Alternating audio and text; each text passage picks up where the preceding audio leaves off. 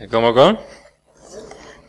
Så vi spyrir hos lunch vi stekka tre av til fyrjon. Det er faktisk alt forstått.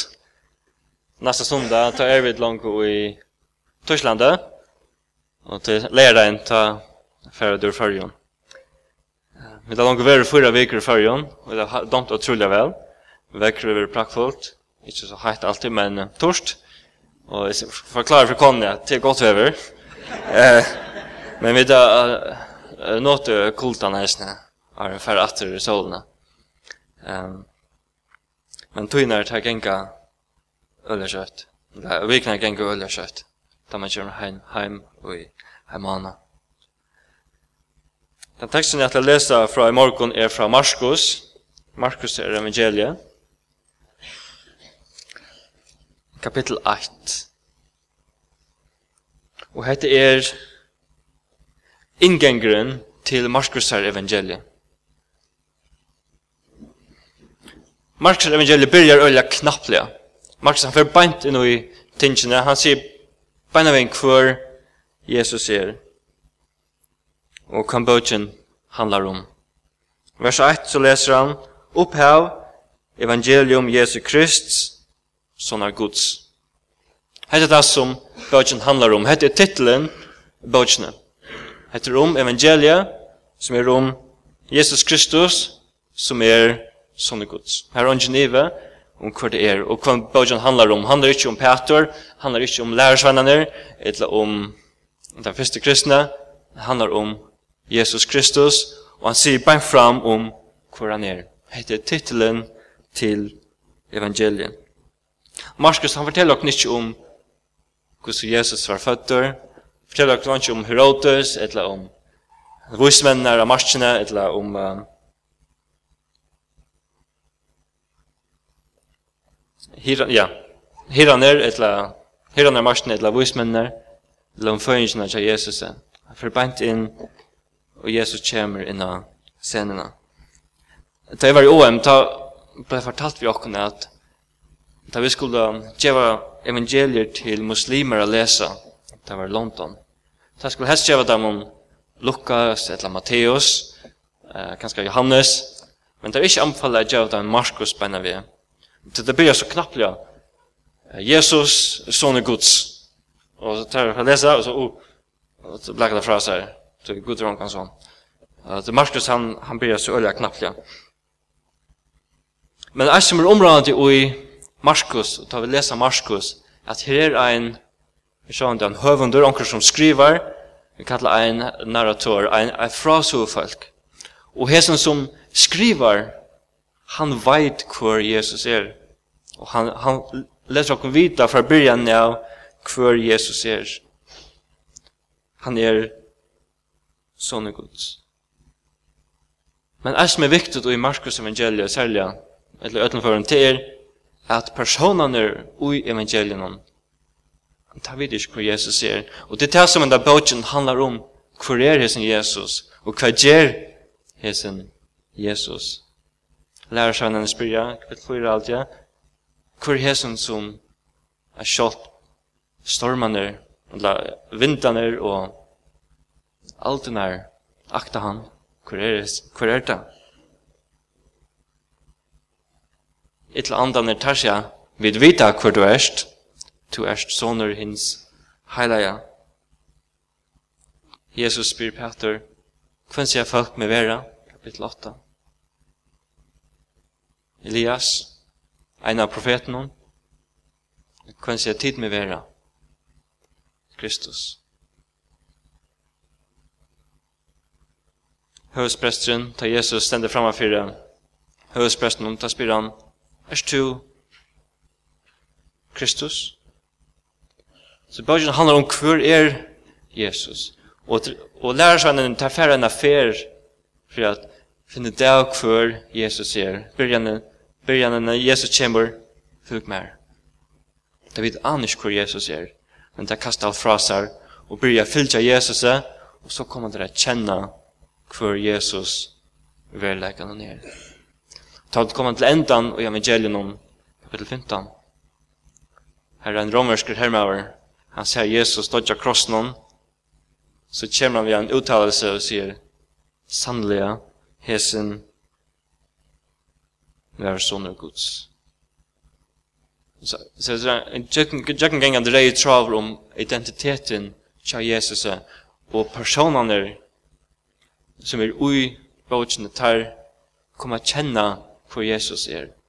Men høvendren, han, let, han veit fra byrjan av hvor Jesus er, og han leter okkon vita hvor Jesus er. Og fyrsta vers fungerar som en titel kabotin handlar om. Men hesen Jesus kallas Kristus, han er ikke kommet ur leisare luft. Han er bare kommet inn av senna. Nei, han var kallar Kristus, Messias. Og ta peikar beina vi atretter til Gamla Testament. Det hender som skriva vær i Isaias her profet. Vers 2. Vi kommer til det atr. Hette det første avbendigen om, første kloa, om hvordan vi skulle skilja andre personen. Hvor er dette? Hvor er Jesus? Vi skulle skilja han ut fra Isaias. Til den veien som Markus peikar okken hitja hikk etter Isaias for skilja Jesus Messias. Det var ein, nok kjente kyrkjefedre eller han, han var han ble kort ut samkomne at Markion. Og han, han undervisner en sånn lærer at Jesus, ja han er god men han er ikke samme god som gamla testament. Han er en helt annan god og han kastar gamla testamentet fra seg og faktisk nek eh, nek er bøk nødgjastmente men Markus kjer ikke til vi får sutja at jo Jesus han er god som er kommet nær.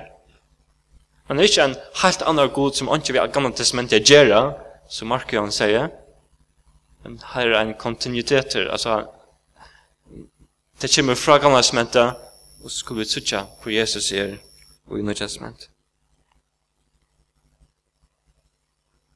Og Markus han brukar ett citat ur gamla testamentet for at introducera for at vise okken kvar Jesus er. For å lese vers 2 og 3.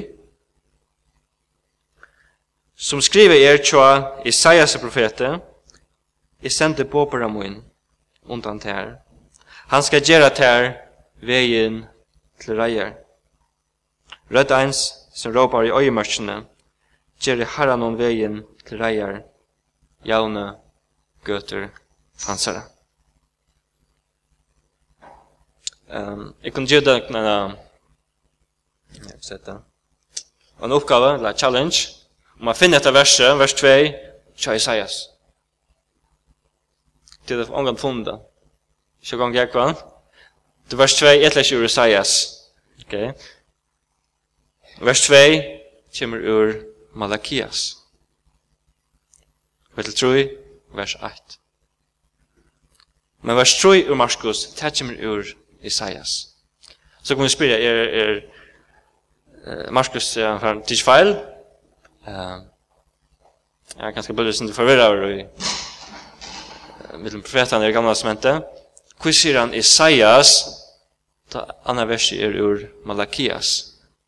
Men som sier, det er kanskje tog at Isaias er den store profeteren, den største, den som folk kjenner, Og til vers 3 kommer fra Isaias, så er det lettere å si at, som Isaias sier, men det er akkurat underforsteg at det kommer fra Malakias. Det er mulig ikke, men jeg tykker at det er en ånder grunn til det.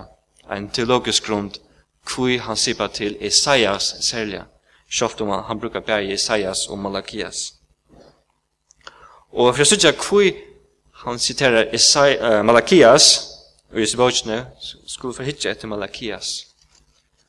Og hvis vi fører blir nekka så i rettretter til Malakias 8, som vi vet så er det sørste bok i Gamla Testamentet, akkurat Gamla Testamentet. Um, og hette er søvann her, eller bakgrunden i søvnene til ta Jøtene tar fra en utlegg til uh, Babylon, som ble til Persia, og der kom det heimat. Som du vet, så var tempelet der i knuse, der bygde tempelet oppatsk. Men allikevel så var offringen og tilbyggen i tempelen var ikke til som hun skulle til være. Og Malakia sier i vers, kapitel 1, vers 8,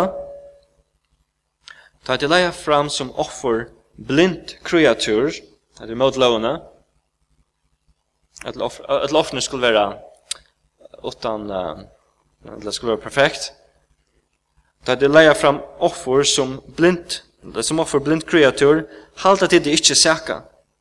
Ta det leia fram eit som er lame eller sjukt, halda til det ikkje seka. Kom i sluken til landstjøratuin, man honom færre at dama til.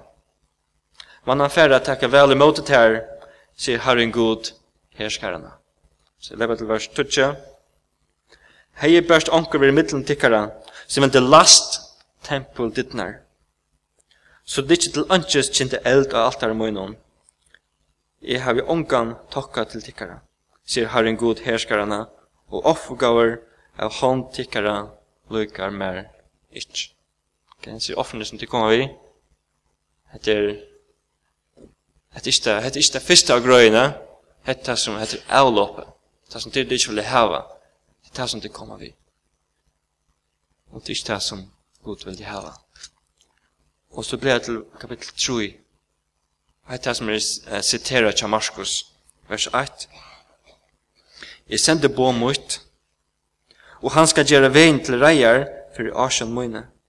Og brådlig skal han komme i tempelsut, herren som de søtja, satt med angelen som de stund etter, ja, han kjemur, sier herren god herskarana.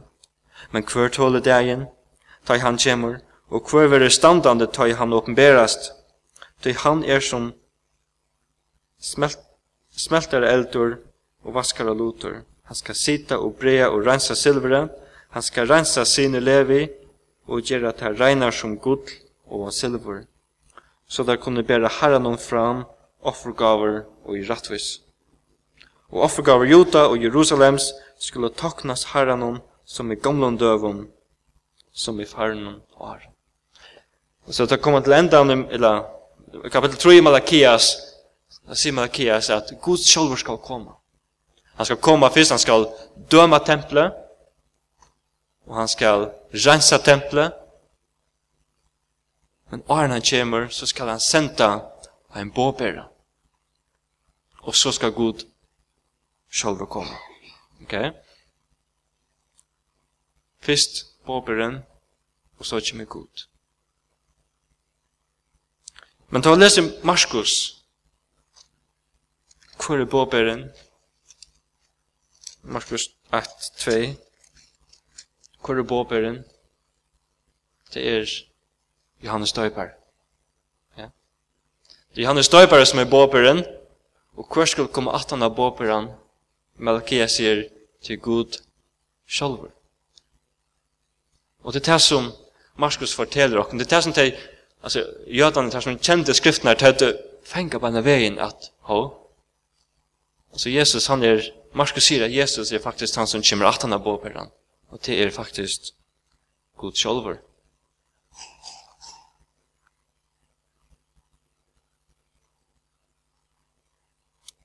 Och lyfte som som är att Gud skulle komma och döma templet det var uppfyllt men det var mer enn oppfyllt. Det var ikke rensa, og så var det atter til å offra i tempelen. Det var oppfyllt på samme måte at det var av nøyut at stand å offra atter i tempelen.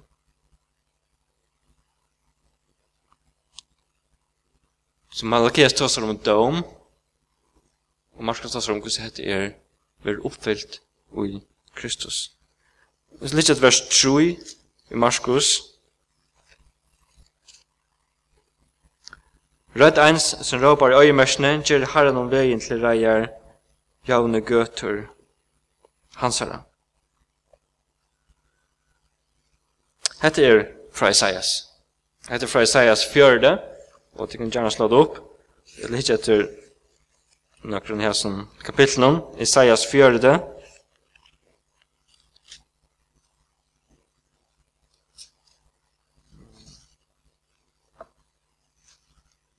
Isaias er faktisk mest citeria bogen i Marskos. Han er einaste profeteren som er nevnt ved navnet i Marskos er evangeliet. Han er nevnt her og byrjan. Og Marskos legger den til at evangeliet som han prætkar, eller evangeliet som han skriver, til nekka som hever samband vid det som Isaias tåsar om, eller hever tåsar om. Ikke bare kom i leser luft, men til røter at atretter til Isaias er profet. Sjalt året som Markus byrjar vi, eller det neste året alltid, altså evangeliet, evangelion, glede båskaper, det som er brukt i Isaias fjörde. Um, eh, vers 9, Isaias fjörde, vers 9, Du nevnte dette verset før. Færene høyt fjall, du glede på Sions, Litt upp rødt tøyna vi kraft, til glede på Jerusalems. Lett henne høyrast, øttast ikkje. Sier vi boinar og juta, hitje god tikkara. Ok, så Isaias tar seg om glede på, Malakias tar seg om døm. Hva er det glede på henne? Og jeg grøskens vet om seg at Johan, altså dette er det samme året som er brukt som glede på skaperen, eller en liten brøyting i, men til som råd. Gud skal komme vel til synen, han skal ikke komme at døma, men han skal komme at frelsa. Vers 1 og 2, Troste, troste folk mot, sier Gud tikkara, Tale mildt ved Jerusalem, råpe til ta, at strøy tess er at enda, at skuld tess er golden, at av hånd herrans hefur finnst tvifalt fyrir allar synder søgnar. Så er det vers 3 som er sippa til i Markus Høyr. Ein er som råpar, Gjer i øyemørsen harran hon vetle reier, javne gode akkara vegin, her som avbygt er. Hvor deler skal hakkast, og hvers fjall, og, hvers, og hvor hadd skal lakkast. Hedjaner skulle være slatte, og hamraner flatlente. Då vart Herrans skal uppenberast, og alt hold skal få til at suttja, til mor Herrans hever tala. Nå så hittar jeg etter hver kjemur, eller hver er det han som til veien til reier, og så kjemur god. Det er det som Isaiah sier. At onker skal gjøre veien til reier, og så kjemur god, sjolvor, vi gleder på. Men ta i Marskos, tekker at det verset opp, så venter han eisen på samme måte som i vers, vers 2, at han som gjør veien til reier, det er Johannes, og han som kommer, som skulle være god, det er Jesus Kristus. Og det er akkurat en, en, en stafesting av hver Jesus og verlige er. Hik en god tikkara, vers 9, vers 9, gleibo. Hette som Hetta så er som Markus tolkar disse versene, og han brukar disse versene til å skilja hvor Jesus, hvor Jesus er. Hvordan at han kan samsvara vi det som Gud langt har sagt og i gamla testament.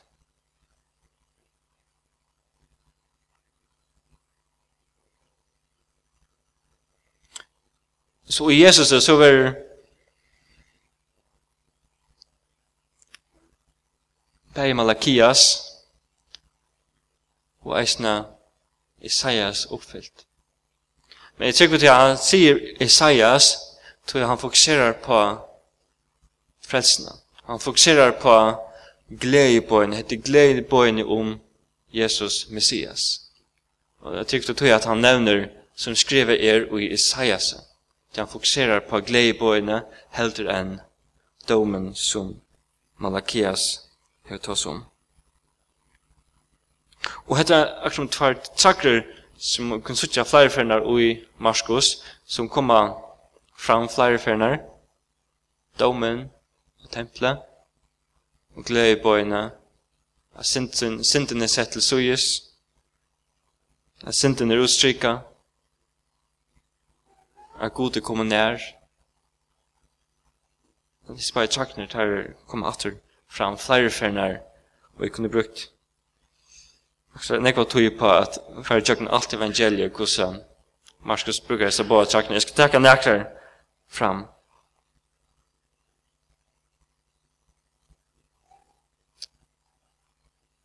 Det kommer till kapitel 2 i Markus. Her er ein uh, ein hending av Jesus han sitter i hus. Det som uh, Viktor tog i dag. Han i hus. Alt sitt egna hus, et eller annet klann hus. Det faktisk jeg lukka mykje, men uh, det kom i omkron. Og det han i tætje, det bråta åpna tætje og låra en nye. Jesus sier, er sintuin, er fyrirgjivin. Nå, så sier der, ho ho, hvor kan det Hette blasfemi. Hvor kan sier at sintuin er fyrirgjivin? Det er bare god som kan fyrirgjeva sint.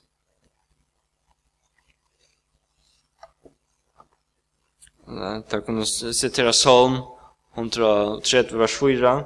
Men at her er sinda fyrirgjeving. For at det skal være fyrir her. At jeg tror det er bare god som hever som kan fyrirgjeva sint. Men Jesus sier, jeg skal prekka fyrir der at jeg kan fyrirgjeva synd. At menneskjøsson hever vald, hever makt, at fyrirgjeva synder. Takk måttuna og geng.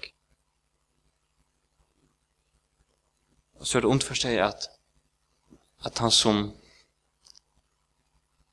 at um, han kunde gruva, at han kunde fyrtjöva sinter og Markus forstendte som om Jesus sier at han er god själv.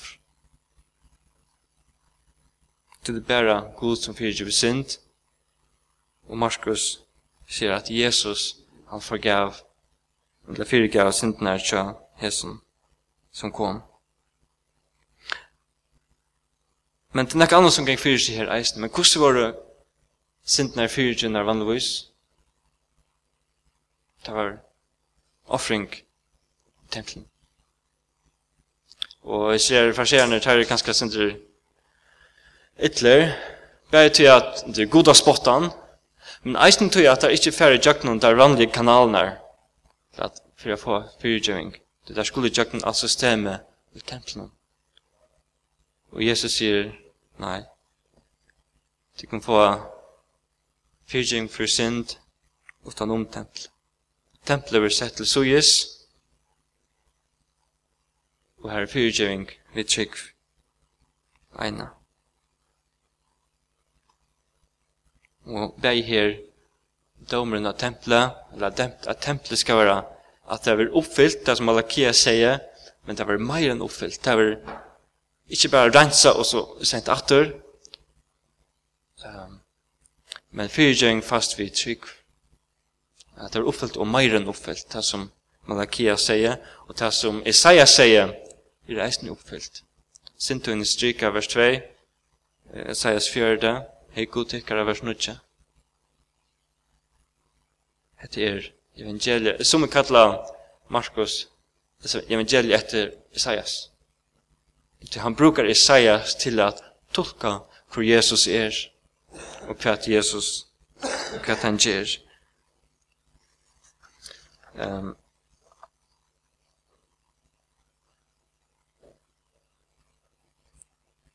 Et annet til å ta av Jesus stender framfor høspresten. Først kommer der vi... Ah, i, um, Marcus bruker året lie vittne, eller, eller falsk, falsk vittne, att här skulle börja till Markus eh, 14. Kan slå det upp. Um,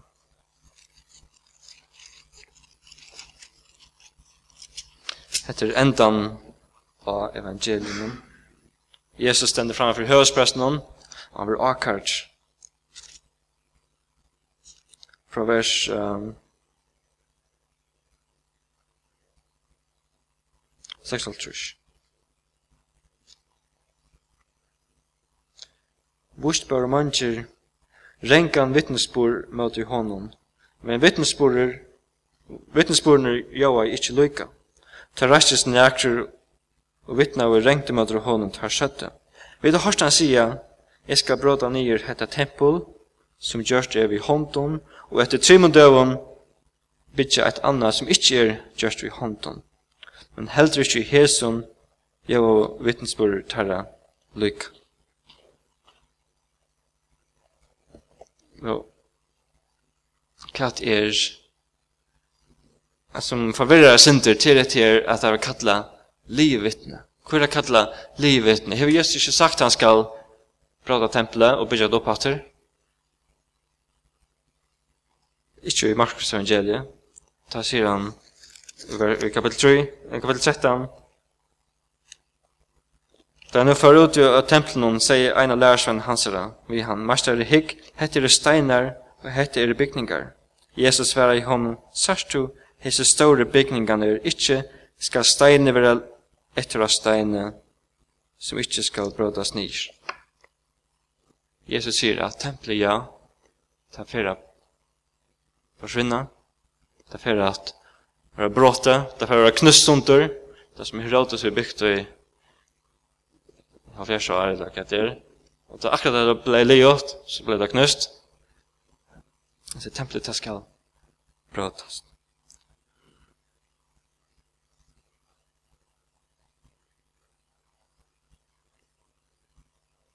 Men Jesus sier ikke at han får sjølver at takk med en hemmere og han får bråta tempelet nyer og han får sjølver å bygge det opp at det tyder jeg kattler at, at det er livet vittne Og som Markus skriver, det er akkurat som en, en halve sannleikje som tar komma vi, og det er ofte det som rikker best, det er halve sannleikar. Jesus han sagt om tempelet, men tar ventet vi, så han, han sagt han skal prata det, og han skal bytja det opp til det. Og til nekka som Gud gjør i Gamla Testament. Det er Gud som bygger tempelet, i Ezekiel, og til Messias som eisen skal bygge tempelet. Og så er det eisen en, en teologisk eller faktisk akkurat for, for blasfemi eisne, da han sier han skal bygge tempel. Da tar sier han skal bygge tempel. Så har vi tempelet her, og så har vi hit eisne om identitet.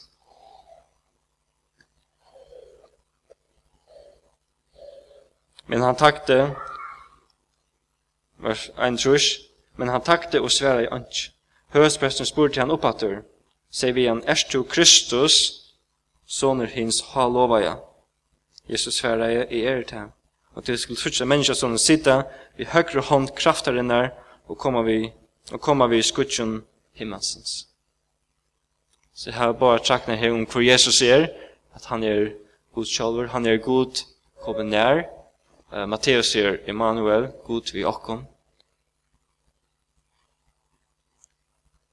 Og eisen okkur skal henda vid templen og det faktisk ui degenum til Jesus sjálvum og i tog versnum vil templet faktisk ikkje nøyut meira.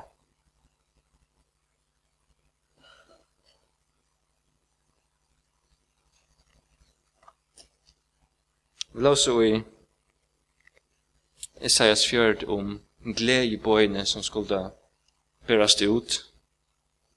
Og hette samme Året om glede i båren er eisne nevnt i Isaias 51, nei 52.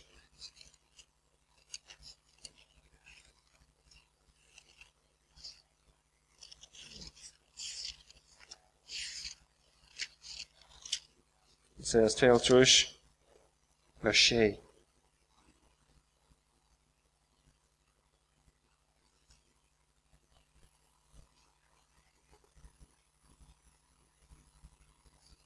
Guds indisleir er ikkje av fjallen føtter hansara, så kjemur vi glede boven som boar fri og ber gåan båskap. Så kunngjør frelso og sier vi sier godtun er våren konger. Så fjörde var da i godtikkara. Jeg sier at tvei altrus godtun er våren konger. Hette er glede boven. Og, og ta i Markus tas om evangeliet, så sier han atter til versene i Isaias. Du, hva henter atana? Hvis vi leser vujar fra Isaias, hva er det versene som kommer atana? Til solmeren, eller sangren om tænaren. Hva er det glede i bøyene som skulle berast ut? Vers 13, tænaren inn skal bæra seg visselig at han skal være større og setter høgt, og skal være økvelig høvr. Men så ber det vågjere, en av trus, vers 4, eller vers 5, han var kjennet dess versene, ja. Han var sardig for brått okkara, såra for miskyr okkara, straffen var lagt av han, for vi skulle hava fri, og vi saren hans herra, er vi grøtt. Hette er gleden bøyne som Isaias stås her om, som er oppfyllt, og i Jesus er sjolven. Ta Jesus døyr, det hender tvei ting. Eller, Paul, uh, Marskut tassar om tvei ting. Fyrst, kapitel 15, 38, at forhendje i templen skratne. Ur erva. Så hun tenkte at det er god sjolver som åpna forhendje. Og hvis du kjenner tempelet, så er det til det heiligste, eller heilige, altså aller heiligste, og her er forheng, Og her kan bare høyspresten komme inn eina for om året, og han skal gjøre båt for sinter. Og det får han ikke ta. Det er skratt sunter. Ta Jesus døyer. Det er ikke bruk mer for tempelen til sinta fyrtjøving. Og hva er det neste verset? Hva skal vi si i den romerske hermauren i vers 23? Han, han, han ser ikke tempelet, Han er ikke sikker at hender tempelen, han stender framfor krossen Men Han ser Jesus av krossen og han sier, Sannelig er hesten med over sånne gods. Så heter evangeliet som Markus tåsar om, at tempelet skal være sett til Suyis, som Malakia sier på fra at tempelet skal rensast, og mer enn til at det skal være avnøyot, til Guds sjover skal takka syndene, Og det er det som hender, til Jesus dør. Jesus vil ikke han hammer og gjør, og brøyde tempelet nye, men tar en dør, tar tempelet ikke. Får ikke bruk for det mer. Tøy veveren inn i det aller heiligeste, han er åpen. At alt kunne komme fram for Herren. Det som Hebrea bare er som står om. at Vi kunne alt fære framfor det. Framfor Gud.